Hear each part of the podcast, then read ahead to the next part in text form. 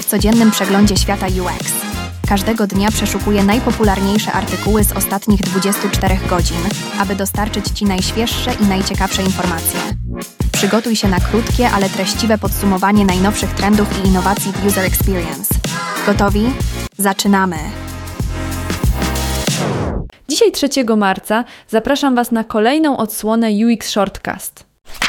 W artykule Przyszłość UX według jego Nestora autorstwa Rity Kind Envy główna myśl dotyczy tego, jak dziedzina projektowania UX przeżywa trudne chwile, podobne do tych, z jakimi zmagają się rozbitkowie na tratwie.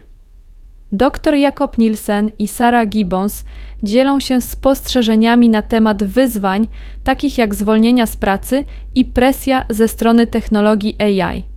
Zauważają, że w 2022 roku wielu ludzi rzuciło pracę, doprowadzając do historycznie niskiego poziomu lojalności pracowników. Główne powody, dla których projektanci odchodzą, to niechęć do wykonywanej pracy, brak możliwości awansu i słabe zrozumienie znaczenia UX w ich firmach. Zła zarządzanie, szczególnie awansowanie projektantów na menedżerów bez odpowiednich umiejętności, pogarsza sytuację. To wezwanie do poprawy sposobu traktowania i doceniania profesjonalistów UX.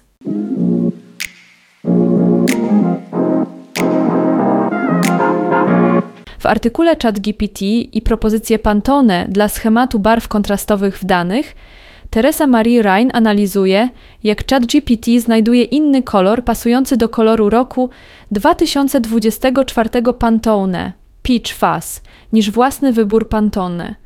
Pantone, znane z systemów kolorów używanych w różnych branżach, co roku wybiera kolor, który wpływa na trendy w projektowaniu. Ryan bada znaczenie kolorów komplementarnych, które znajdują się na przeciwległych biegunach koła barw dla tworzenia uderzających wizualizacji w prezentacji danych.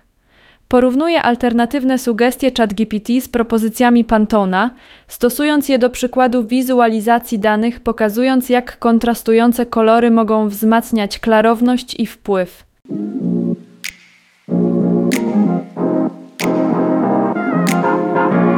AI Chat nie zawsze jest odpowiedzią. Autorstwa Sarah Gibbons i Kate Moran wnikliwie analizuje obecną tendencję do dodawania funkcji czatu AI do produktów, ostrzegając, że nie jest to rozwiązanie uniwersalne. Artykuł opisuje różnice pomiędzy uniwersalnymi chatbotami AI, takimi jak ChatGPT, a specyficznymi dla produktu, podkreślając, że choć AI może wzbogacać obsługę klienta, nie powinno się go używać tylko dla samego faktu użycia. Na przykładzie próby integracji AI przez LinkedIn widać, że zrozumienie potrzeb użytkowników jest kluczowe. Autorzy nawołują firmy, aby myślały poza chatbotami, badając inne zastosowania AI, takie jak personalizacja i analityka predykcyjna, aby naprawdę odpowiadać na zapotrzebowanie użytkowników i być zgodnymi ze strategią biznesową.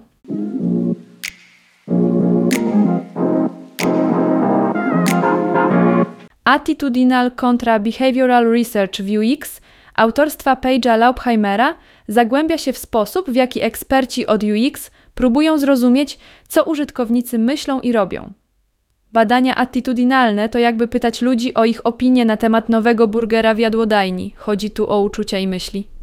Z drugiej strony, badania behawioralne to obserwacja tego, ilu faktycznie idzie i zjada tego burgera, to obserwacja działań. Artykuł podkreśla, że obie metody są kluczowe. Podobnie jak w kampanii wyborczej, chcesz wiedzieć nie tylko, co wyborcy mówią, że zrobią, ale także, co tak naprawdę robią. Połączenie tych podejść pomaga projektantom tworzyć rzeczy, które nie tylko spełniają oczekiwania, ale są również łatwe i satysfakcjonujące w użytkowaniu. To trochę jak mądre strategie kampanii, które wsłuchują się w to, co ludzie mówią i obserwują.